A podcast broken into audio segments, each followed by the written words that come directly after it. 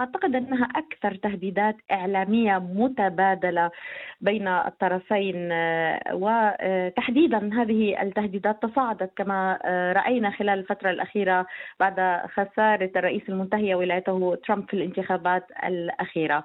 الاستفزازات بين الطرفين برأيي لا تتعدى الاستعراض الإعلامي، لا أعتقد أن السيد ترامب سيوجه ضربة عسكرية مثلا إلى بعض المواقع الاستراتيجية الإيرانية ما لم تكن هناك فعلا أسباب وجيهه بأن تكون لكن إيران لكن هناك هناك تحركات عسكرية أخيرة، هناك تحليق لقاذفات أمريكية في منطقة الخليج العربي، ألا يؤشر ذلك إلى زيادة حدة التوتر وربما ضربة أمريكية وشيكة؟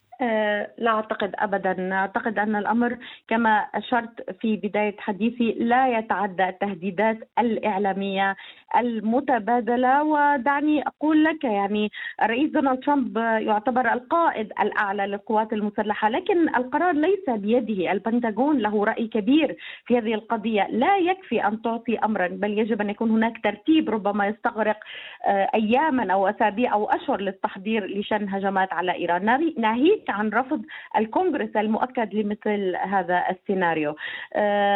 يعني أيضا هناك تصريحات كانت من وزير الخارجية الإيراني محمد جواد ظريف في الشهر الماضي. قال فيها إن إيران لا تسعى إلى الحرب لكنها ستدافع فورا وبكل الوسائل عن شعبها وأمنها ومصالحها الحيوية، أي أن إيران أوضحت أن هذا أي قرار سيكون هو قرار دفاعي وليس هجومي.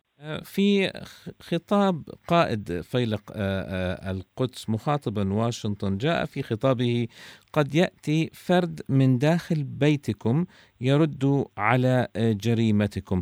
كيف يمكن ترجمة هذه العبارة؟ يعني كما أراه أنه يقول أن ربما أحد الموالين لإيران من ربما يكون على الأراضي الأمريكية قد يقوم بأي عمل إرهابي ضد المصالح الأمريكية أو ضد أهداف أمريكية في الداخل.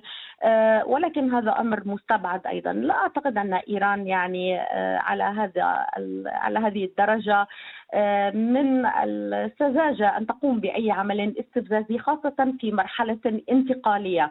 الرئيس المنتخب جو بايدن من المؤكد أنه سيكون له سياسة أخرى تجاه العلاقات الإيرانية الأمريكية.